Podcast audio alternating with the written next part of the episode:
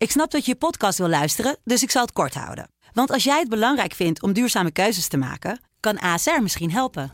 Nou hoor ik je denken, hoe dan? Nou, bijvoorbeeld bij het duurzaam herstellen van schade. Of de premies die we beleggen volgens ons duurzaam beleggingsbeleid. Dat bepaalt waar we wel en juist niet in investeren. Wil je meer weten over welke duurzame keuzes ASR maakt? Ga dan naar asr.nl slash duurzame keuzes. ASR doet het. Zo, dan kan je nu lekker naar je podcast luisteren. Ik zit ook buiten mijn Funda-verslaving heel vaak opnieuw aan te vragen of ja. ik toch mijn hypotheek opnieuw moet het gesprek andersom voeren. Jij bent hier de, de ervaringsdeskundige. Ja, ik weet niet welke drietrapsraket daar dan wel bij hoort. Balen, balen, balen. Ja, Heel wachten. Ja. Mensen die vanuit een duurhuis in de stad lekker gaan mee zitten bieden op jouw begeerde huis en muiden. Dat mag Eh, altijd. Dit is Kwestie van Centen. Een podcast van de Financiële Telegraaf met Martin Visser en Herman Stam. Met Mirjam? Mirjam, een goedenavond met jouw kerst Remax-makelaars. Ik heb geen goed nieuws. Nee? Nee, Ah, jammer. sorry. Nee, nee, ik, we, hadden, we gingen er een beetje vanuit. Ja. Zaten we er heel ver naast of viel het wel mee? Eh, nee, wel, wel echt heel verder vanaf. Jullie zijn het niet geworden. Ja, ja, ja. Jammer, Ja, helaas. eh, het is helaas niet toereikend. Nee, daar was ik al bang voor. Ja, hou er rekening mee dat er een, eh, een kleine 50.000 euro verschil zat tussen jullie bod en waar we uiteindelijk ja op hebben gezegd. Ja, Martin, eh, je snapt dat ik op het puntje van mijn stoel zit als Funda-verslaafde. Want eh, nou ja, hier leef ik ongeveer voor. Jij, jij, jij kent die verslaving al van me. Dat ik dat op de voet blijf volgen, die huizenmarkt. Daar gaan we het uitgebreid over hebben vandaag. Dus ik ben eh, extra enthousiast. Eh, of het inderdaad waar is dat het wat eh, allemaal eh, nou ja, aan temper is, hè, de gekte. Nou, als we dit fragment zo horen, totaal nog niet. Hè? Nee. Kijk, jij, jij, wij, zaten vorige week volgens mij te praten. Toen ging ik je vol enthousiasme mijn makelaarskills laten zien. Van hoe kan je uit Eiburg toch nog weer een woning iets verder van Amsterdam krijgen. Met wat meer vierkante meters. Maar volgens mij haakte jij al af na, na, na twee minuten. dat je Nou ja, ik van, vond Eiburg wel een concessie eerlijk gezegd. ja, goedemorgen. Dan moet ik, waar moet ik dan gaan wonen? In Weesp? Of welk dorp moest ik ook weer naartoe? Muiden. Ja, Een kleine promotie. Maar je bent tegenwoordig helemaal een fietser, zag ik. eh, Ja. dat, je, dat je 40 kilometer fiets wel op een dag. Ja, maar Dus- ik was niet van plan om iedere dag mijn werk te gaan doen. Eh, nee, nee. Dus eh, nee, maar ja, inderdaad. Bedoel, ja, het is wel. Goed, we zitten een beetje in het scheld. Schuitje qua kinderen. Die worden langzaam groter. En dan mag je denken, hé, hey, groeien, groeien die kinderen niet uit hun slaapkamer? En dan, eh, ja, dan begeef je ook op die woningmarkt. Eh, ook zonder fundaverslaving. Ja. Ja, dan moet je überhaupt al, al in gaan schatten van eh, in welke prijsklasse kan ik nu iets eh, gaan kopen. Ik bedoel, wij hebben dan nog het geluk dat we al een koophuis hebben. Ik bedoel, eh, er zijn natuurlijk heel veel mensen die, die nog moeten starten op de woningmarkt. Dat is natuurlijk helemaal een drama.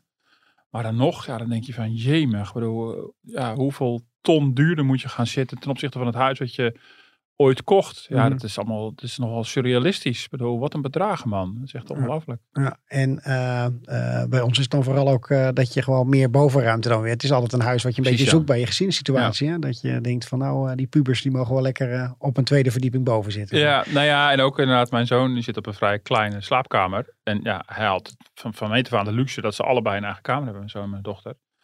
Maar goed, hij is, nou, hij, is nog, hij is nog geen tien, dus nu valt het nog reuze mee. Maar ik stel me ook voor van, oh ja, op een gegeven moment over, eh, over een jaar of vier, dan begint het echt zo'n slungel te worden. Ik bedoel, ik probeer me zo'n slungel voor te stellen in het Ja. kleine kamertje. Denk, die arme jongen, dan moet ik misschien nu al vast na gaan denken over... eh, wat is eigenlijk een logische volgende stap? En eh, nou, dat is best wel lastig, want doe je dat dan nu in deze bizarre woningmarkt?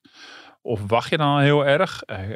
Kan ik dat wel betalen? Wil ik dat wel betalen? Nou, ja, ingewikkeld hoor. Maar goed, eh, zoals gezegd, dus het is, eh, het is nog relatief luxe. Want we hoeven niet eruit, we hoeven niet weg. Dus we zitten nog goed. Maar eh, ja, het is, Kom het lekker naar het buitengebied. Nou ja, dat is ook niet meer goedkoop, want eh, qua vierkante meters eh, betaal Ja, je hij bijna zelf is ook niet hoor. Dus Nee. nee, nee, Nee. goed. Maar het is, een, het, is, het is voor ons een luxe probleem. Ja, precies. Want dat wil ik zeggen. Van, het is natuurlijk voor jongeren en nou, voor heel veel andere mensen heel veel ernstiger.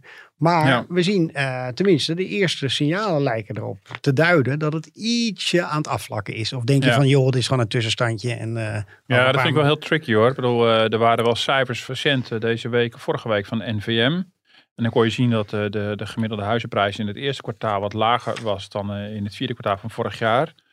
Je, je kon het ook al zien in de CBS-cijfers overigens, die eind maart kwamen over februari. Toen zag je ook dat de februari-prijzen wat lager waren dan de januari-prijzen. Heb je het nog steeds over hè, dat een gemiddelde koopwoning dus eh eerste kwartaal 428.000 euro kostte. Een gemiddelde koopwoning. Nou, goedemorgen. Ik ben niet voor de voorspellingen. Dat, dat, dat, wij, wij schrijven natuurlijk wel over de voorspellingen, maar we doen zelf niet aan voorspellingen. Maar ik vraag je altijd wel een voorspelling. Ja, ik zeker. Dat leuk. ga ik dus ook niet doen. Dus ik praat dan altijd anderen na. Nee, maar we doen in ieder geval, wat ik natuurlijk gewoon in de, in de meeste huizenmarktrapportjes zie, is dat men verwacht wel dat er misschien een, dat het iets tot rust komt, maar niet dat er een gigantische prijzendaling aankomt. Mhm. Ik bedoel, dat, kan, dat zou kunnen, maar dan er moet echt een soort schok op de woningmarkt plaatsvinden. En vooralsnog is er heel veel onzekerheid en onrust, ook door de oorlog in Oekraïne.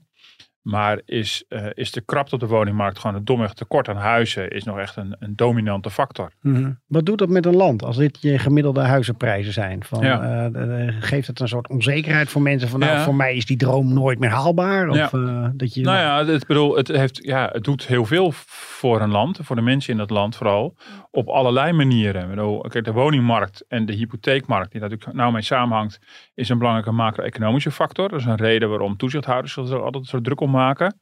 Dat hebben we in- de kredietcrisis gezien, de eurocrisis en vooral in de nawee die dat in Nederland had. Dat we toen ja, eh, na een economische crisis eh, en oplopende werkloosheid op een gegeven moment ook een enorme huizendip hadden. Met eh, nou, een derde of meer het aantal woningen dat onder water stond. Mensen die, die, zich daar, die daar gewoon echt wel klem zaten met hun gedaalde woningwaarde en een hypotheek.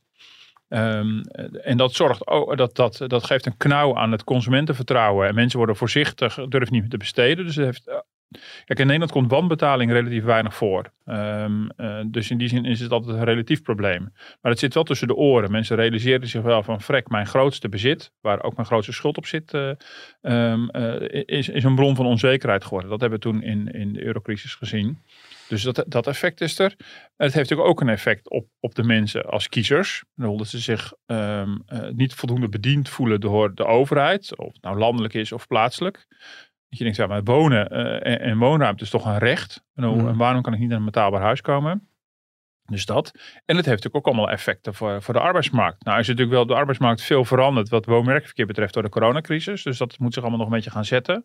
Nou, denk je echt dat het ook eens iets blijvends is? Dat mensen kiezen van nou, ik ga in eh, Oost-Nederland wonen Ja, en ik, kan. mijn mijn bedrijf Ja. zit in Amsterdam. Nou, je ziet, kijk, je ziet natuurlijk wel dat er is eh, recent is er een, eh, een advies van de SER gekomen eh, over hybride werken. Dus je ziet dat op centraal niveau werkgevers en vakbonden afspraken maken over dat ook in de toekomst zonder corona er meer thuisgewerkt zal moeten worden. Bij banen waarbij dat kan overigens. Dus dat gaat, het gaat alleen maar om het, eh, om, om het deel van Nederland dat op kantoor zit. Dat is want- lang niet iedereen. Daarom sla ik erop aan, want dat vind ik altijd weer zo zielig. Dan denk ik van ja, die verpleegsters en die agenten die in zo'n grote Ja. stad eigenlijk heel hard nodig zijn, Ja. die kunnen daar juist net niet betalen. Nee, precies. Nee, dus, dus dit gaat allemaal van, van voor kantoren eh, personeel gaat het natuurlijk wel op. Maar voor mensen die gewoon op hun werk moeten zijn, gaat het Mhm. niet voor op. En zeker, ik bedoel, als jij in het ziekenhuis eh, werkt of eh, andere zorginstelling of op een school. eh, wil je natuurlijk het liefst niet te ver van je, van, je, van je werk wonen. Zeker in de zorg met allemaal onregelmatige diensten. Dan heb je natuurlijk helemaal geen. wil je niet nog een uur in de auto of in de trein moeten zitten. Als die al s'nachts rijdt, die trein natuurlijk. Mhm. Ehm, dus inderdaad, dus dat, dat scheelt. Dus, dus in die zin is het ook weer misschien weer een luxe van, van kantoorpersoneel dat zich kan permitteren om, om drie provincies verderop te gaan wonen. Want ze weten, ik hoef toch maar maximaal twee keer per week op mijn werk te verschijnen. Eh, maar dat zal wel impact hebben natuurlijk op, eh, op, de, op, de, op de woningmarkt. Je ziet ook dat er plannen zijn om, om ook meer in het noorden van Nederland te gaan bouwen. Gecombineerd natuurlijk ook met, met een snelle treinverbinding waar ook over gesproken wordt naar het noorden. Maar goed, dat is er allemaal nog niet. Mhm. Ehm, eh, dat is ook iets wat het kabinet nadrukkelijk voorstaat, het hybride werken. Dus het kan wel degelijk nog een impact hebben. Maar, maar even lo- los daarvan heeft het natuurlijk ook gewoon wel degelijk natuurlijk gewoon effecten daarvoor. Ik bedoel, een goede woningmarkt, dat is in ieder geval zoals economen naar kijken, is van belang voor de arbeidsmobiliteit. Bedoel, als jij een nieuwe baan kan vinden in een ander deel van het land, is het natuurlijk prettig als jij weet dat je relatief makkelijk ook een nieuw huis kan vinden daar in de buurt. Ja. Als je dat zou willen. Als je de hele boeltje op wil pakken. Je hebt natuurlijk ook met een partner te maken in veel gevallen of met kinderen. Dus dat kan niet altijd. Maar, dus er is wel een samenhang ook met de arbeidsmobiliteit. Dus als de woningmarkt op slot zit, wat die nu eigenlijk de facto zit, want het aantal transacties gaat, wel, gaat echt hard omlaag. Dan is het ook voor arbeidsmobiliteit slecht. Ja. Vind je het eigenlijk een eh, goed idee dat eh, gemeentes, bijvoorbeeld zoals Amsterdam of Rotterdam, eh, wat zouden doen qua tegemoetkoming voor agenten en verplegers en mensen in het onderwijs? Dat ze Ja. makkelijker een woning zouden kunnen vinden? Ja, dat, dat, dat zou kunnen. Bedoel, ehm, eh, het liefst natuurlijk zou, zou je willen dat ze wat doen om te zorgen dat die woningen er komen. Bedoel, ehm, het is natuurlijk een beetje symptoombestrijding. Eh, want dat is natuurlijk uiteindelijk de echte oplossing. Ja. En, eh, ja, bouwen, kan- bouwen, bouwen. Ja, dat fragment, dat ja. fragment hebben we niet eh, vandaag, geloof ik. Nee, gelukkig niet zeg. Ja, dus, eh, en ik hoorde die VVD'er van de week ook alweer zeggen rijden, rijden, rijden. Ja, het denkt Mm. alleen maar in, in, in, in drietallen. En, eh, maar goed, je kan het heel vaak zeggen, bouwen, bouwen, bouwen. Maar dan is er in die tussentijd nog geen huis gebouwd natuurlijk. Dus dat vind ik altijd een beetje goedkoop. Maar inderdaad, het is wel het, het, is wel het antwoord. Ja, we zeggen het gewoon één keer, bouwen. Ja. Dus eh, nee, ja, natuurlijk kunnen gemeenten daar naar kijken. Het lijkt me overigens wel ingewikkeld hoor. Ik bedoel, welke beroepen wel, welke beroepen niet. Eh, ik denk dat het gewoon van belang is dat. eh, eh, kijk, ik snap best wel dat de grachtengordel in Amsterdam. Of, of binnensteden, bij- grote steden, dat het op een gegeven moment is voor de hogere inkomens. Dat is bijna, maar dat is, dat denk ik ook bijna onvermijdelijk. Dat zie je natuurlijk in heel veel steden. Ik bedoel, het is denk ik een illusie om te zeggen dat je op een AAA-locatie kan wonen. Ehm, met, een, eh, met een minder dan modaal inkomen. Dat, dat is, maar het gaat er wel om dat je gewoon als stad binnen je gemeentegrenzen natuurlijk wel de, de, de, de, de, de voorzieningen en, en, en de, de woningen hebt voor, al- voor alle inkomens. Dat is natuurlijk echt wel van belang. Ik Mhm. Ik denk voor een leraar is het natuurlijk heel, denk heel goed als, als eh, hij of zij gewoon woont in de omgeving waar zijn kinderen ook vandaan komen. Om te weten van, ja, om iets van die sociale structuur en de sociale achtergrond van die kinderen ook te, te, mee te krijgen. Eh, het is natuurlijk heel gek om in een ik groep heb een vrouw in het onderwijs en zegt altijd, je moet niet te dicht bij de school wonen. Nee. Dan eh, krijg je... Nee, dat kan ik me voorstellen. Maar het, is ook, het zou natuurlijk ook heel raar zijn. Goed, dat, dat kan ik me voorstellen. Maar ik kan me ook voorstellen dat het ook wel prettig is. Ik bedoel, De kinderen nemen natuurlijk ook iets mee. Ik bedoel, als je voor allemaal stadskinderen staat en je woont zelf, weet ik veel waar, eh, ergens ver buiten. Voor, de, voor, de, voor die belevingswereld is het denk ik wel, eh, wel goed. Mhm. Ehm, eh, maar dat, dat kan me voorstellen. Ja, Wie, wie wil nou op zijn werk wonen? Dat wil je Ja. eigenlijk ook niet. Dus, eh, maar dus, dus die- dat belang is natuurlijk wel dat je, dat, je daar, dat je daarvoor zorgt als gemeente. Maar de taak nummer één lijkt me zorgen dat die woningen dan ook komen. Nou, Oké, daar gaan we het straks wat meer Ja. over hebben. Eerst nog eventjes wat praktische dingen. Hoe eh, gaat het bijvoorbeeld voor mensen, denk je, die nu eh, net een nieuwbouwhuis hebben gekocht? Kan me zo voorstellen. Word je over twee jaar eh, wordt het opgeleverd en dat je Ja. opeens denkt, hey, die transacties dalen, die prijzen. Ja. Oh mijn god, heb ik hier wel goed aan gedaan. Ja, ja nou dan zit je er al aan vast. Dus dan is het een beetje te laat. Ja, ja, ja, ja, maar het kan wel heel veel onzekerheid brengen Ja, zeker. voor mensen. Ja, ik vind het heel lastig, want ik heb wel, ehm, ik heb het wel vaker dat mensen dan ook advies vragen. Wat moet ik nou doen en hoe gaat de woningmarkt? En eh, nou, dat vind ik altijd ingewikkeld als journalist om een advies te gaan geven. En ehm, ja, ik, ik denk dan altijd een beetje op zijn Jan fluitjes. Pro- probeer dan, ehm, ja, natuurlijk moet je rekening houden met dat het ook een, tijdje slechter kan gaan. Dus je moet je niet laten beïnvloeden doordat het heel erg, dat het nu heel erg goed gaat tussen aanstekens de woningmarkt in die zin. eh, dat er enorme waardevermeerderingen zijn. Dat je denkt, oeh, daar moet ik bij zijn. Mhm. Waardoor we beginnen wel te denken dat een huis eh, iets is om in te wonen. Wat je fatsoenlijk en relaxed financiert. En niet als een beleggingsobject. Ja. Eh, dus dat, dat is natuurlijk Dus van belang. je moet je hypotheek kunnen betalen. Ja, dus je moet, eh, precies, dat, is- dat is wel goed. Kijk gewoon, je, moet ook een, eh, je moet eigen geld meebrengen. je moet je hypotheek kunnen betalen. Je moet dus tegenvallers kunnen hebben. Je, je moet niet flauw vallen als de woningmarkt toch ineens met 10, 15 procent zou, zou inzakken. Stel Mhm. dat. Ja, dus daar moet je natuurlijk allemaal op een manier rekening mee houden. En eh, dat is natuurlijk wel, dat is natuurlijk wel Maar van doen belang. mensen dat wel genoeg in deze gekte? Ja. Dat ze denken, ja, ik moet toch nog maar even Ja, iets erbij bieden. Want anders heb ik het huis niet wat ik zo graag wilde. Nee, dat vraag je af. Ja, dat hoor je natuurlijk in het fragment net ook. Mhm. Ik eh, zat nog even te kijken. Uh, hier in, dit, in dit voorbeeld ging het over dat, eh, dat er 50 50.000 tot overboden. Mhm. Als je even naar de gemiddeldes kijkt. Als een, eh, de gemiddelde woning eh, volgens de NVM 428.000 is. En er is eh, gemiddeld 8,3% boven de vraagprijs geboden. Ja, dan was de originele vraagprijs dat nog onder de 4 ton. Dan is de gemiddeld genomen voor bijna 33.000 overboden. Ja. Dat is natuurlijk ongelooflijk. Ik bedoel, eh, eh, en dat is dan het gemiddelde. Dan heb je dus nog enorme uitschieters. Ja, eh, ja, dat zal deels ook zijn mensen die natuurlijk een enorme overwaarde meebrengen. Mensen die, weet ik, van- vanuit, eh, de, de, de, vanuit een duur huis in, in de stad gaan lekker gaan meezitten bieden eh, op, eh, op jouw begeerde huis en muiden. En dan, eh, nou... dat mag eh, altijd. Nou, dan kan jij dus eh, dan kan jij er gewoon niet tegenop. Ja. En ja, en dan kan je natuurlijk niet erachter zien of zij iets onverantwoords doen. Maar dat, het is natuurlijk wel het risico dat je Mhm. natuurlijk ergens instapt en, en, en, eh, bedoel, en, en nog denkt van nou, ik profiteer nog even van die lage rente. Ja. Maar goed, dat lijkt me dus wel van belang. Zorg dat je financiering gewoon relaxed is en dat je er in principe g- de komende jaren geen omkijker meer naar hebt. Tenminste, dat, goed, ik ben, ik ben financieel heel conservatief. En een beetje je bent sowieso heel conservatief. Ik ben sowieso heel conservatief. en, ehm, ik weet niet waar ik dit nou weer aan verdiend heb. Nee, Maar, ehm, nee, maar het is natuurlijk bijna niet te doen. En voor mij moet je dat ook proberen niet te doen. Om om, om mee te bewegen op de golven van die woningmarkt. Ja. Bedoel, dit is een hele grote beslissing die je neemt. Die neem je eh, als het goed is maar een paar keer in je leven.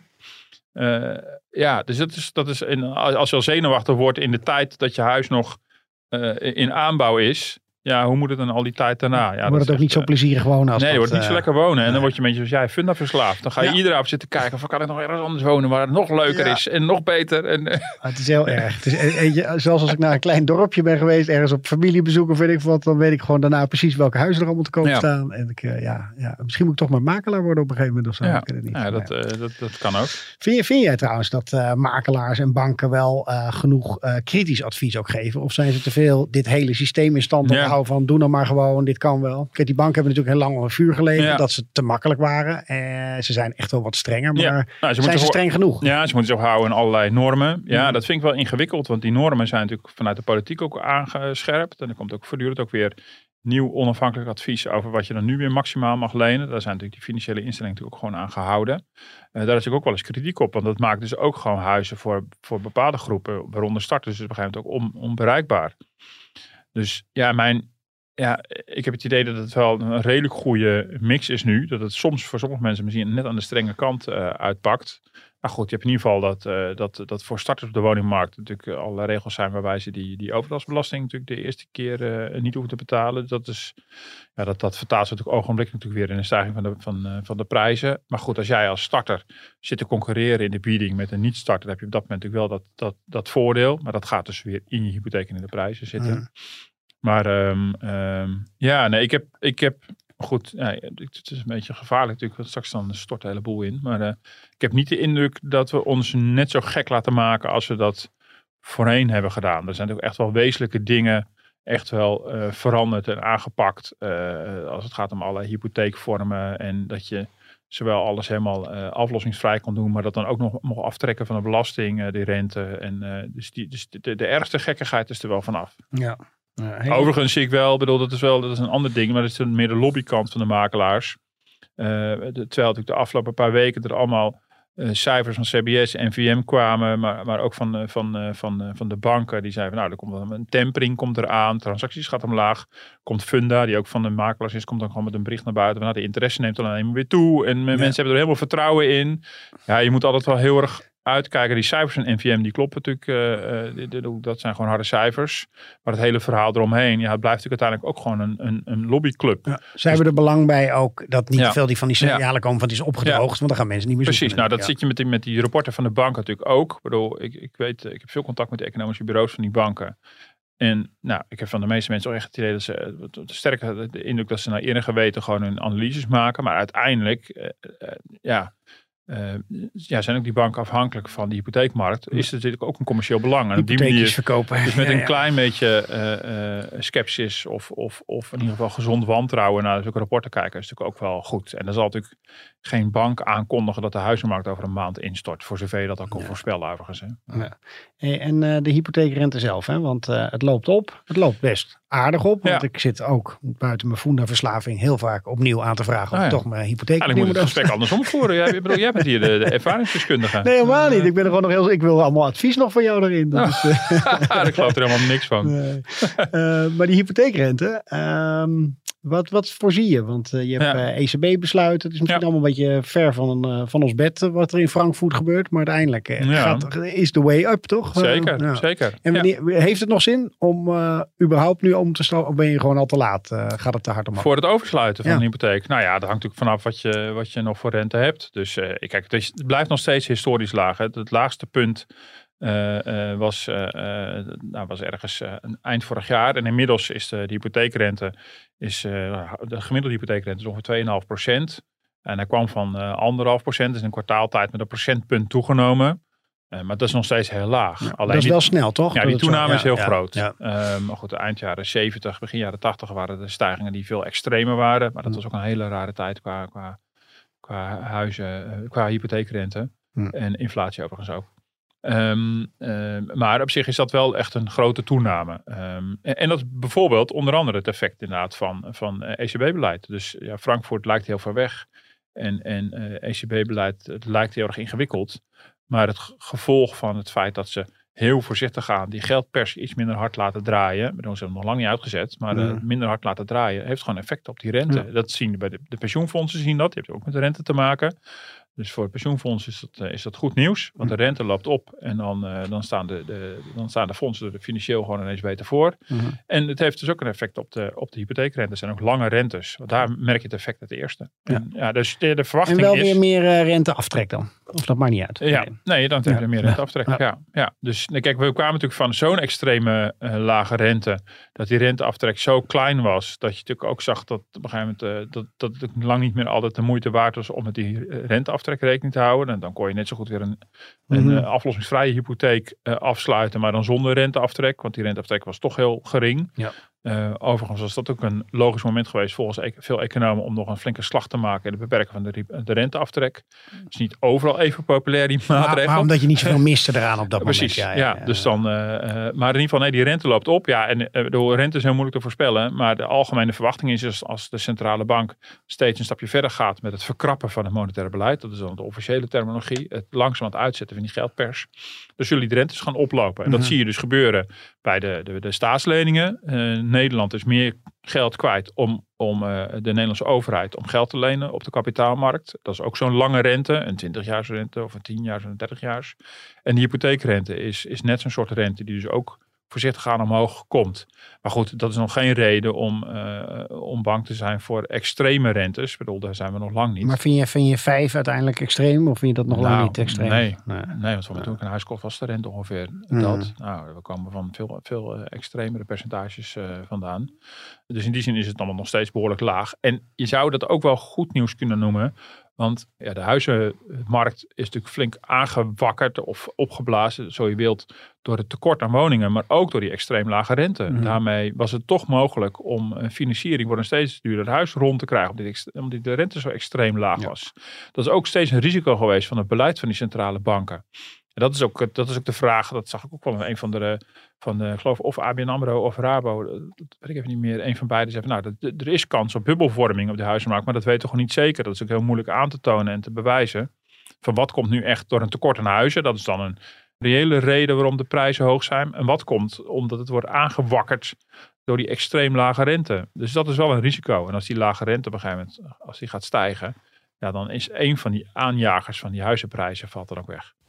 Laten we even luisteren naar eh Onne Hoes, eh, de, de, de voorman van de Nederlandse Vereniging van Makelaars, hè, de NVM. Ook de inflatie, die wordt Ja. natuurlijk steeds hoger. Nou, die komt voor een groot deel door de hoge energiekosten. Alle materialen die je in een bouwmarkt wil kopen, die zijn of heel duur of ze zijn er niet. Nou ja, hoe schaarser goederen zijn, hoe duurder ze worden.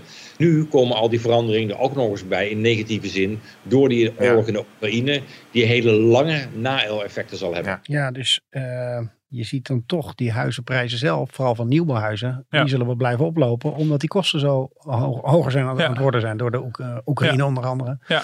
Corona na-effecten. Ja, dat vooral. En er kwam dan de oorlog nog eens een keer overheen. Ja. Dus dit is, dit is iets wat al een tijd gaande is. Waar we ook in de krant ook al maanden over schrijven. En dan krijg je van die artikelen over de prijs van heipalen en eh, dat, dat soort werk. Maar je hebt natuurlijk ook als je gaat verbouwen. Nou, we hebben het al eerder gehad over eh, als je, je je je tuin op orde wil brengen. En een hovenier wil vragen. eh, Als hij al tijd voor je heeft de komende zes maanden. Ja. Nee, dus allerlei bouwmaterialen worden duurder. Nee, zeker. Dus dat, dat gaat op de nieuwbouwmarkt. Heeft dat natuurlijk enorme consequenties. En dan schiet het dus niet zo op met dat bouwen, bouwen, Nee, bouwen. zeker. want Ja. Bouwen, bouwen, bouwen, gewoon heel duur. Ja, ja. ja, En eh, ja, ik weet niet welke, welke drietrapsraket daar dan wel bij hoort. Maar eh wachten, balen, balen, balen. wachten, ja, wachten, ja. Dus je hebt en, de, en de, de, de lange wachttijden. Want je hebt natuurlijk de, in de naweeën van de coronacrisis natuurlijk de, de verstoringen van de productieketens gehad. Dat is nog steeds niet helemaal opgelost. Ik ben overigens ook wel benieuwd wat, wat alle nieuwe lockdowns in China weer voor gevolgen hebben in, in dat opzicht. Dus je hebt gewoon praktisch die, die, die productieketens gehad en, en de oplopende kosten van allerlei grondstoffen die duurder zijn geworden. En heeft de bouw natuurlijk zeker, eh, zeker mee te maken. Mhm. En eh, ja, dat maakt het ook, de, ook de financiële risico's natuurlijk groter.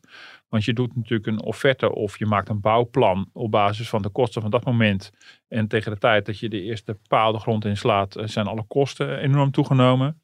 Dus daar zitten ook veel grotere risico's eh, zitten eraan. Dat, heb je natuurlijk, dat merk natuurlijk ook met de offertes die je meer huis aan de keuken bij een aannemer aanvraagt. Daar zit ook een bepaalde geldigheid op. En op een gegeven moment, als je nog een keer opnieuw zou aanvragen, dan zal je zien dat de prijs enorm is gestegen. Eh, dus nee, dat is een enorme remmende factor voor de bouwproductie eh, in, in Nederland. Dat gaan we dan wel merken de komende tijd. Hoor, je- hoor je al verhalen dat eh, bouwers zeggen van nou, dit project ga ik gewoon niet uitvoeren, want daar kom ik gewoon niet uit voor dit bedrag. Dus Nou ja, dat, dat speelt natuurlijk wel wel een, een, een rol. De financiële risico, wat ik zei, die neemt natuurlijk enorm toe. En vanuit de bouwers hoor je natuurlijk heel duidelijk die twee punten. A, de kosten en personeelstekorten. Eh, dus die kunnen we in één slag daarmee bijnemen. Dus in die zin staat het er niet goed voor wat betreft eh, alle bouwambities die we hier in Nederland eh, hebben. Ja, dan nemen die risico's natuurlijk enorm toe. Ja, ik wil voordat we, want je noemde het al een paar keer van nou, eh, de belangrijkste oplossing is dat bouwen. Gaan we denk ik toch eerst even naar eh, de man eh, to the rescue, Hugo de Jonge, die tegenwoordig eh, de- de- dit allemaal moet begeleiden. Ja. En eh, we hebben een fragment van een beetje aan het begin dat hij net was aangesteld om deze portefeuille te leiden. We moeten met meer regie, met meer tempo, meer woningen bouwen. Voor starters, voor ouderen, voor gezinnen met een middeninkomen, leraren, verpleegkundigen. Ik denk dat we allemaal mensen kennen die ja, snakken naar een nieuwe woning. En ongelooflijk aan het zoeken zijn, maar er niet in slagen. En ja, dat is een extra drive om met alle energie die ik in me heb aan de slag te gaan om te zorgen dat we meer gaan bouwen. Nou, komt helemaal goed toch? Met eh, corona ging het ook hartstikke lekker. En eh, we hoeven ons geen zorgen meer te maken. Nee, zeker. gaat het oplossen. Nee, aan het enthousiasme ligt het niet. Nee. Eh, dus eh, ja, bouwen voor, een, eh, voor de leraren. En, eh, Ja. Nee, ja, dus, nee, de spirit zit er in ieder geval in. Ja. ik vind het nog steeds heel, ja, een soort van tragicomisch. Dat de minister die in de zorg stuk liep op decentraal georganiseerde zorg. Nu de basis van een andere sector, namelijk de bouw en een woningbeleid, is ook helemaal gedecentraliseerd. Dus ik ben heel benieuwd hoe hij dat doet. En de grap is dat hij met de maar corona... wel ervaringsdeskundige toch? Ja, Dat- zeker. En eh, hij heeft ook een track record, zoals het in eh, lelijk Nederlands heet. Eh, en dat track record is niet echt goed. Want hij heeft namelijk, in- hij heeft daar ontzettend mee, ja, ik weet niet eens of hij er echt mee geworsteld heeft. Hij heeft eigenlijk dat decentrale in de zorg helemaal in stand gehouden. Het enige wat echt gecentraliseerd werd door zijn opvolger Ernst Kuipers, is de beddenplanning in de zorg. Maar het is niet zo, eh, dat was de frustratie bij veel partijen, eh, bijvoorbeeld bij- de werkgevers, eh, maar ook gewoon bij heel veel Nederlanders. Hij, heeft niet, hij is niet door die belangen heen gebroken van ziekenhuizen of het gedoe over die laboratoria die de testen moest gaan doen of die de decentraal georganiseerde GGD'en. En ik hoor ook, als ik bedoel, dit klinkt allemaal heel fraai in zo'n fragment en dan is hij nog vol energie. Als je zo'n woningbouwplannen bekijkt, ja, dan kan je wel het woord regie opschrijven, maar daarmee heb je het nog niet. En op een gegeven moment, bedoel, je hebt natuurlijk te maken met, met belangen van de projectontwikkelaars. eh, eh, je hebt te maken met de woningcorporaties, met provincies, gemeenten en nog allerlei andere partijen. En die willen natuurlijk ook allemaal bouwen. Alleen die hebben allemaal andere ideeën erover. Of over de locatie, of, of wat je precies wil bouwen. En dan kan je oeverloos over met elkaar zitten steggelen. En dan kan je zeggen, nou, ik ga regie voeren. Maar dan zou je toch in staat moeten zijn om door die belangen heen te breken. Ja, en misschien lukt het me nu wel. Ik laat het hopen. Maar in de zorg heeft hij dat niet laten zien. Dus ik vind het echt wel een wonderlijke typecasting dat hij nu op dit ministerie zit. Maar we zijn het erover eens. Ik denk dat iedereen het erover eens is dat het sneller moet en beter Ja. moet. Maar wat vinden we er eigenlijk van? Want ik kan me zo voorstellen in je eigen gemeente dat je het ook wel fijn vindt dat je gemeentebestuur daar heel veel over te zeggen heeft. Ja. In plaats van dat ze in één keer een flat voor mijn neus eh, bouwen. Ja, zeker. Ja. Nee, kijk, het is ook niet de bedoeling natuurlijk dat Hugo de Jonge bepaalt of er een flat voor jouw neus komt. En dat zou echt wel micromanagement zijn. Maar het is natuurlijk wel van belang, en daar was Olongren op zich al mee begonnen, om wel eh, echt bindende afspraken te gaan maken. Eh, over, om afspraken te maken, ze zijn dus nog niet bindend, maar die afspraken, dat werd al wel in toenemende mate in de tweede deel van haar termijn, begon ze dat al wel te doen. Dat je wel op een gegeven moment opstelt van landelijk is, wat, is dit wat we nodig hebben en hoe gaan we dat aan woningen verdelen over de regio's en hoe verdelen de regio's dat weer over de gemeente. Dat op een gegeven moment, ja, als jij geen flat voor je neus krijgt, dat die flat wel ergens anders komt. Als die flat nodig is, moet die wel ergens komen. Ja.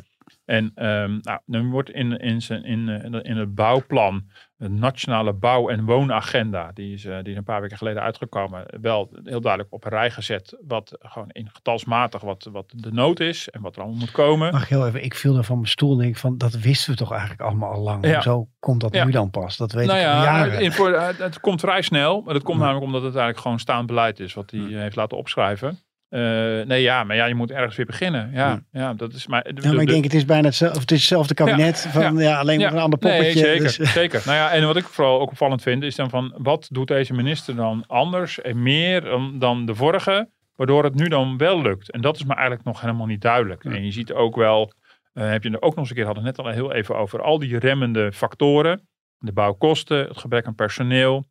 Eh, eh, dat soort zaken. Ehm, ehm, eh, ja, wa- waardoor hij ook nog eens een keer heel veel tegenwerking heeft. Dus even nog los van al die, van al die regionale belangen. Ehm, ik denk van ja, ik vind het niet overtuigend waarom dit gaat lukken. Dat stond bijvoorbeeld wel in het ABN AMRO rapportje wat laatst naar buiten kwam. Die zegt ook van het is twijfelachtig of het haalbaar is. Of het allemaal gaat lukken. En dat is nog even los van eh, of hij in staat is om, om gemeentebestuurders en provinciebestuurders met de koppen tegen elkaar aan te slaan. En uiteindelijk een keer een knoop door te hakken over wel of niet bouwen binnen de stadsgrens of bouwen in het groen. Of eh, al die lokale eh, tegenstellingen. Ehm, eh, ja, maar goed, we hebben het al in, in aanloop naar de verkiezingen al over gehad. Hè? Dat was zo'n serie over de, de hoofdpijndossiers voor het nieuw kabinet. Ehm, of was het in, het was in aanloop naar het regeerakkoord, dat was het ja. En eh, toen was het al, ja, weet je, je kan wel iemand een minister van Wonen noemen, maar daarmee is het probleem niet opgelost. Dan heb je hem wel een nieuw bordje opgehangen op zijn kantoor. Maar daarmee, ja, je kan wel zeggen, ik neem de regie, maar daarmee heb je het nog niet. In, die, in dat bouwplan wordt bijvoorbeeld ook ge- geschreven dat de minister uiteindelijk ook een bevoegdheid heeft om, om door te douwen, om te overroelen. Eh, maar hij schrijft ook in dat stuk dat het, dat het twijfelachtig is of dat instrument toereikend is. Het wordt bijna nooit gebruikt. Want het wordt als een soort, soort nucleaire optie gezien. Olongeren had die optie ook. Hm. En daar verandert verder niks aan. Dus eh, de, Hugo de Jonge heeft niet andere bevoegdheden dan, eh, dan zijn voorganger. Eh, en het is de vraag of die bevoegdheden voldoende zijn. Maar uiteindelijk gaat het natuurlijk daar wel om. En dan niet of die een flat voor jouw neus gaat bouwen. Wel dat je, een dat je een moment zegt, maar we gaan nu binnen de afspraken maken. En je hebt je maar aan het houden. Mhm. En er zijn voorbeelden geweest, dat hele Phoenix eh, gebeuren. Van, eh, nou, dat is al, hoe lang is het al geleden? 20 jaar geleden. Ja. Ehm, ja, het is 20 jaar geleden ongeveer. Ehm, ja, daar kwam op een gegeven moment echt van de Rijksoverheid echt een soort regie. En echt een centrale planning. Misschien niet op flat niveau voor jouw neus. Mhm. Maar wel op een gegeven moment eh, gebieden aanwijzen van maar en hier zal het moeten gaan gebeuren. En dit soort woningen zijn er nodig. En natuurlijk kan je dat niet als de gemeente provincie dat niet willen. Want dat, bedoel, die moet je natuurlijk wel meekrijgen.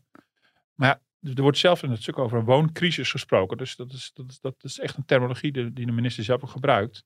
En dan verwacht je ook crisismaatregelen. En die zie ik eigenlijk helemaal, helemaal niet. Denk je dat het nog mee gaat spelen? Dat hij zelf eh, gewoon wat stoeit met zijn imago na de hele mondkapjesdeal van uh, van het. Lien en zo. Dat het, eh, dat, het, dat wat minder power geeft in dit soort onderhandelingen. Ja, dat zou kunnen. Nou, ik, en ik denk dat het meevalt. Ik denk wel in de publieke opinie. Dat denk ik wel. Het is, helpt natuurlijk allemaal niet als wij over, over hem praten. En ondertussen zitten te denken over, over de appjes die hij heeft gestuurd aan Siewert. Dan helpt het allemaal niet. Maar ik denk dat als hij gewoon aan tafel zit met provinciebestuurders en eh, woningcorporaties. Dan is het ook gewoon inhoudelijk. En ik bedoel... eh, dit is, ehm, eh, en hij brengt ook wel energie met zich mee. En hij staat er wel echt. Dus in die zin kan hij misschien. Ik denk wel dat hij als persoonlijkheid ook wel dingen kan forceren. Ik bedoel, daarvoor heeft hij de power natuurlijk wel in huis. Ehm, het zou natuurlijk niet helpen als hij voortdurend in Den Haag in de problemen zit en wordt afgeleid. Maar ik denk niet dat zijn imago, dat kan ik me haast niet voorstellen. Dat, eh, dat zijn imago in de weg zit. Ik, misschien is het ook wel een portefeuille die misschien wel beter bij hem past. Die ook misschien meer à la zijn eerdere ervaring als wethouder is. Dus in, die zin zou hij ons kunnen verrassen. Maar ja, ehm, ik, ik, dat, die regie is nodig. ehm, en die wordt beschreven, maar ik zie niet waar die uit bestaat. Ehm, en dan heb je dus al die factoren die ook nog eens een keer tegenwerken. Dus Ja. ik help het hem hopen. Het moet naar 100.000 woningen per jaar. Dat het aantal denkt hij pas in 2024 te gaan halen. Dus hij slaat al meteen een, eh, echt eh, een heel jaar over. 2022 is dus zijn eerste jaar. En in 2023 wordt het al niet gehaald. Ehm, dus het begint dan pas in 2024. En dan moeten toch in korte tijd 900.000 woningen bij zijn gebouwd. Ja. Dat is nogal wat. Je hebt heel wat eh, factoren genoemd hè, waar we nog niet eh, bij stil hebben gestaan. En dat is natuurlijk nu ook acuut ook hè, met Oekraïne, met de vluchtelingencrisis. Ja. Mensen die hier ook weer huisvesting moeten zoeken. Ik geloof dat inmiddels de Britten eh, vluchtelingen onderbrengen in Rwanda, dat Ja. dat een eh, oplossing is. Eh, wij hebben heel vaak ook gewoon in, eh, niet eh, genoeg huizen Nee. eh, in dit eh, vlak. Nee, dus dat maakt het alleen, maar, alleen al lastig. Dus even los nog van inderdaad die vluchtelingenstroom. ging natuurlijk al om eh, eh, ja, een toename van het aantal huishoudens in Nederland. Wat ervoor zorgt dat we veel meer huis nodig hebben. Even voor het idee. We hebben nu 8,1 miljoen huishoudens in Nederland. En de voorspelling is dat we over, eh, nou, wat is het, een jaar of eh, 16, eh, 9 miljoen huishoudens eh, hebben. Er zijn er 900.000 meer. Dat is inderdaad nog exclusief de toestroom van van de Oekraïnse vluchtelingen. Eh, onderdeel van de plannen is wel ook van de jongen om veel meer ook naar flexbouw te gaan. Dus eh, gewoon improviseren, noem, noem ik het maar even. Dus, dus, en misschien is hij daar wel weer goed in hoor. Om gewoon even eh, out of the box te denken. Een verschrikkelijk cliché. Maar even, eh, ja, je, op een gegeven moment kan je natuurlijk niet meer na blijven denken in bouwprojecten die 10, 15 jaar duren voordat, het, eh, voordat er iets Maar Wat staat. bedoelt hij met flexbouw? Dat is gewoon een, soort tijdelijk... Containers, weet ik veel. Ja. Je kan alles verzinnen. Je kan alles bedenken. Ook dat, oh, de afgelopen jaren is natuurlijk met studentenhuisvesting natuurlijk ook al gebeurd. Dat er allemaal tijdelijke bouw is neergezet. En daar kan je natuurlijk een eind mee komen. Ehm, eh, ja, dus dat, dat, dat zal op mijn manier wel moeten. Een ander ding is natuurlijk wat de afgelopen jaren, wat de woningbouw nog een beetje gered heeft, is dat er allerlei kantoorpanden werden omgekat tot, eh, tot eh, woningen. Nou, dat waren ongeveer 10.000 per jaar. Ja, dat aantal moet ook nog fors omhoog. Kijk, daar kan je ook nog wel wat in, eh, in, in vinden. Maar goed, we hadden van de week daar een verhaal van de collega's over. Ehm, dat, dat de bouwsector zelf zoiets heeft van nou, eh, de 10.000, dat is heel knap dat we dat halen. Of dat 15.000 gaat worden, wat de hoop is, is dat de vraag of Het dat is ook wel lukt. moeilijker hè, als de economie weer aantrekt. Dat die, Ja. eh, sommigen gewoon een kantoorpanden weer nodig Ja. hebben. Nou ja, goed, je hebt aan de andere kant dat thuiswerken. Maar Ja, de, de nee, is zeker. misschien een beetje uit. Ja, ja, dus, eh, nee, maar dus, dus nu komt die vluchtelingenstroom dan ons een keer bovenop. Dat, dat gaat ook op substantiële aantallen. En ja, mensen moeten toch een dak boven hun hoofd. Dus dat maakt getalsmatig het probleem alleen maar groter. Ja, ja. Eh, zie je nog andere oplossingen in die plannen van de jongen? Dat je denkt van nou, daar eh, zit iets in wat ik nog niet onder vorig beleid heb gehoord. Of Nou, nou ja, bouwen wat- in weilanden hebben we Ja, vaak gehoord. Nee, hè, er- zeker. ja, eh, ja, nee, ja, je zal toch toe moeten naar eh, toch bindende afspraken. Dat is gewoon de enige manier. Er wordt wel op gehint, maar het is nog niet helemaal duidelijk of dat er nou echt komt. En dat je wel... Kijk, dus de eerste stap wordt wel gemaakt. Dat echt wordt toebedeeld. Hè. Dat wordt gewoon gezegd, het gaat om zoveel woningen. eh, en zoveel moeten worden gedaan door de woningcoöperaties. En op een gegeven moment moet je daar gewoon ook... eh, de- woningcoöperaties zijn straks van die verhuurdersheffing af. Dat is het idee. In een ruil daarvoor moeten ze wel committeren aan, aan bouwafspraken. Dus dat is alvast een mooi breekijzer. Eh, nou hebben die woningcorporaties hebben die verhuuringsheffing natuurlijk nu al gekregen, zeg maar. Ehm, dus ja, hoe dat precies zit, op, welke manier een stok, je daar een stok achter de deur kan krijgen en hoe je dan ook de eventuele belangentegenstellingen doorbreekt, ja, dat is, dat is nog, nog de, de grote vraag.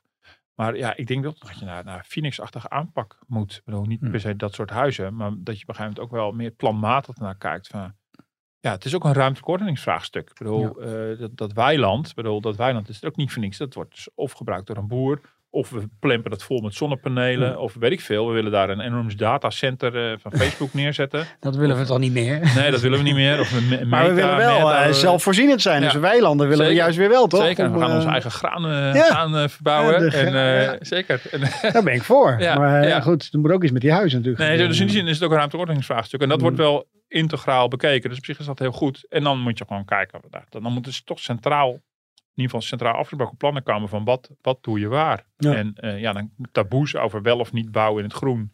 Eh, ja, dat kan natuurlijk dan niet meer. En dan moet je denk ik ook wel als minister ook gewoon het lef hebben om ook, ja, ook gemeentebesturen desnoods te overrulen. En inderdaad dan niet die flat voor je deur. Dus je blijft op een gegeven moment wel, de gemeente heeft natuurlijk ook de ruimte om, om dingen zelf te bepalen. Maar je kan natuurlijk niet hebben dat een gemeente en een provincie maar oeverloos blijft bakkeleien over waar wel en waar niet gebouwd kan worden. Mhm. En dat is natuurlijk weer van belang. Je kan in een weiland gaan bouwen. Eh, maar dan moeten natuurlijk ook voorzieningen komen. Daar moet, dan, eh, dan moet een wegennet, hele infrastructuur qua eh, OV. Dus, dus daar is het Rijk sowieso ook aan zet. Dan zijn we bijna op het eind en dan hebben we nog helemaal niet over de pandjesbazen gehad. Oh, wat wilde je weten over de pandjesbaas? Nou ja, hoe, of, jij, of, jij, of je dat goede maatregelen vindt qua dat je dus minder pandjes in bezit mag hebben. Ja. Of dat je er in ieder geval zelf in moet wonen. Dat Ja. soort, denk je dat het iets van zo aan de dijk zit? Ja, ja. Nou, ik weet niet of het groene zo aan de dijk zit, maar het voelt heel onrechtvaardig. Dat is, ik denk dat, ik, ik kan niet helemaal inschatten of de pandjesbazen nou echt getalsmatig ook echt een groot probleem zijn voor de woningmarkt. Maar het is natuurlijk wel zo dat je het gevoel hebt dat natuurlijk van een, dat in een wooncrisis, zoals het dan nu genoemd wordt, dat daar mensen daar, ja, oneerlijk of oneigenlijk natuurlijk gewoon gebruik of misbruik van maken. Hm. En dat voelt natuurlijk niet eh, goed. Kijk, je wilt ook weer niet dat je de hele investeringen in die woningsector natuurlijk afgezet te knijpen. Dus het is wel een beetje zoeken van hoe Ja. doe je dat. En een pandjesbaas klinkt dan heel negatief. Maar als jij gewoon eh, woningen ontwikkelt en dat verhuurt, is er natuurlijk niks mis mee. En als je iets toevoegt Dan helpt het zelfs. eh, dan ja, helpt ja, het. ja. Maar als jij inderdaad dankzij de extreem lage rente allemaal huizen kan opkopen. ehm, eh, of met weet ik veel bakken geld komt. en, dat, en alleen maar extreem dure huurwoningen. Dat je het, het aanbod van extreem dure huurwoningen alleen maar vergroot. Ja, dan schiet het ook niet op. Dus ik kan me heel goed voorstellen dat ook een gemeente daarin ingrijpt. Zeker net zo goed als er ingegrepen is in het hele Airbnb, wat ook helemaal totaal het klauwen liep. Mhm. Maar je hebt ook en dat is wel iets op gemeenteniveau ook, dat je als natuurlijk wel een verantwoordelijkheid hebt voor de leefbaarheid en de, en de, en de bereikbaarheid van de stad op allerlei manieren. Dus ook gewoon qua woningen voor, voor, jou, voor jouw inwoners en jouw burgers. Dus ik kan me heel goed voorstellen dat je op een gegeven moment daar uh, aan stelt. Ja hoor, laatste ronde. Uh, de rondvraag, Martin. Ja. Uh, nee, ik ga je niet uh, vertellen. Heb je nog iets voor de rondvraag? Ik wil open vraag stellen. Ik wil meteen over je vogels en alles beginnen. Nee, niks ervan. Gewoon, heb je nog iets voor de rondvraag? Ja. Ja, ja weet je hoe duur koffie tegenwoordig is? Ik, nou, ik, heb, ik heb even op jouw Twitter zitten kijken. Want ik zag zelfs dat wij daar als DFT weer op reageerden. Want je had even je boodschappenlijsten zitten doorrekenen. Ja, ja. ja, je hebt natuurlijk al een, een paar podcasts gemaakt over inflatie. Ja. Ja, en dan moet ik bekennen, dat is natuurlijk ook een luxe dat ik daar met de boodschappen nog niet enorm mee bezig was. Goed, ja, dat heeft ook met te maken van ja, doe je gedachteloos je boodschappen of, uh, of, of ja, moet je ook dubbeltje omdraaien. De vorige keer zat je tegen mij van, jij doet gewoon nooit boodschappen. Nou, je ja. weet helemaal niet hoe die prijzen in elkaar zitten. Nee, nou, ik doe wel de boodschappen, het is online. En dan, dat geef ik ook elke keer weer toe. Maar dat betekent niet dat ik die prijsbus in de gaten hou. En dankzij online boodschappen doe ik wel veel meer. Dan kijk ik naar de aanbiedingen. Dat is gewoon grappig. Maar ik was vanmorgen inderdaad die boodschap weer aan het doen. En ik klikte zo mijn pak koffie aan. En ik, pardon, 7,50? Mm. 7,50? En toen ging ik daarna terug zitten zoeken. En dankzij online heb ik natuurlijk in mijn inbox, die ik nooit leeg, Mhm. heb ik natuurlijk al die oude, al die oude boodschappen van tijden terug. En toen zag ik dat het een paar weken geleden nog 7 euro was. En half januari, drie maanden geleden, was het nog 6,5 euro. Het is gewoon een euro duurder geworden. Ja, ik schrok daar toch wel van. En, maar goed, maar dat klopt dus precies met de cijfers die we eerder besproken Ja, hebben. Dus het is een beetje raar. Dus mijn eigen... Alleen die koffie komt helemaal niet uit Oekraïne. Eh, goed, Nee, nee, maar we speelden maar gewoon over de vervoerskosten. DFT-app. Hadden we enorme de- hele gesprekken over waar het allemaal mee te maken heeft. Maar je Mm. ziet dus de inflatie komt op allerlei manieren terug. Maar we hadden al eerder een Rabo-staatje besproken. Waar boter nummer 1 stond en koffie op nummer 2. Ja. Nou, het blijkt dus gelukkig Het te kloppen. klopt. Ja, nou, dat is veel En, eh, eh, maar goed, ik heb toch een pak koffie eh, besteld. Ik ben gek op koffie. Erg ook voor zo'n koffieliefhebber zoals jij bent. Maar je moet gewoon lekker veel hier op kantoor komen. Dan Ja. eh, kunnen we je een gratis kopje koffie aanbieden. Ja, super lekkere koffie. Heerlijk ook. Ja, precies. En jij, heb je nog iets voor de rond? Nee, ik zit een beetje op hete kolen, want ik moet naar, moet, ik mag naar de Matthäus Passion. Je hoort hier in mij al eh, enorm de klassieke muziekliefhebber. Sorry, lieve mensen. Eh, maar ik vind het wel leuk, want het geeft me echt wel, ik kom er een beetje door in mijn paasstemming. Dus eh, Ah, ik eh, ga op eh, pad naar de Naardenkerk, waar eh, premier Rutte en ook Hugo de Jonge waarschijnlijk eh, allemaal eh, misschien vanavond zijn. Ja. Dus eh, En welk, deel, en welk deel verheug je het meest? Eh, ja, ik weet, jij weet het veel beter dan ik. Ik weet het heel slecht.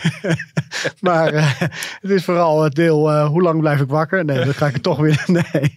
Ja, dat is het erge met mensen die VIP-kaartjes krijgen. Die gaan dan naar de mooiste concerten toe. En hebben totaal geen stand waar ze naar gaan luisteren. ja, er is ook nog een diner voor, dus ik moet in ieder geval geen drank nemen. En dan Ja. boek ik het red. Nee, het, het is een beetje flauw. Want ik vind het echt wel een keer. het- het- ik als cultuurbarbaar verdien dit. Nou, dat dit hoort mee. bij mijn. Maar heb je naar Matthäus geluisterd de afgelopen dagen? Ja, ik heb er wel en een eh, beetje ook wel zitten lezen van Ja. gaat het nou eigenlijk Ah, ja. om, om ook eh, een beetje die drie uur door te kunnen komen natuurlijk. Maar, eh, nee, eh, Je hebt toch geen boek meegenomen voor de... Nee, nee, nee. Maar volgens mij wordt het mooi. En eh, ook wel echt een prachtige plek natuurlijk in de Ja. Naardenkerk om dat zo eh, te zien. Ja, ben jaloers. Nou, leuk. Nou, dus ik kan er volgende week over vertellen hoe mooi ik het vond. Nou, ben heel benieuwd. En dan zeg ik nog eventjes eh podcast.dft.nl. Want dat is ons e-mailadres eh, waar u eh, allerlei vragen kunt stellen. Of misschien onderwerpen kunt eh, eh, aanroeren waar we het de volgende keer over hebben.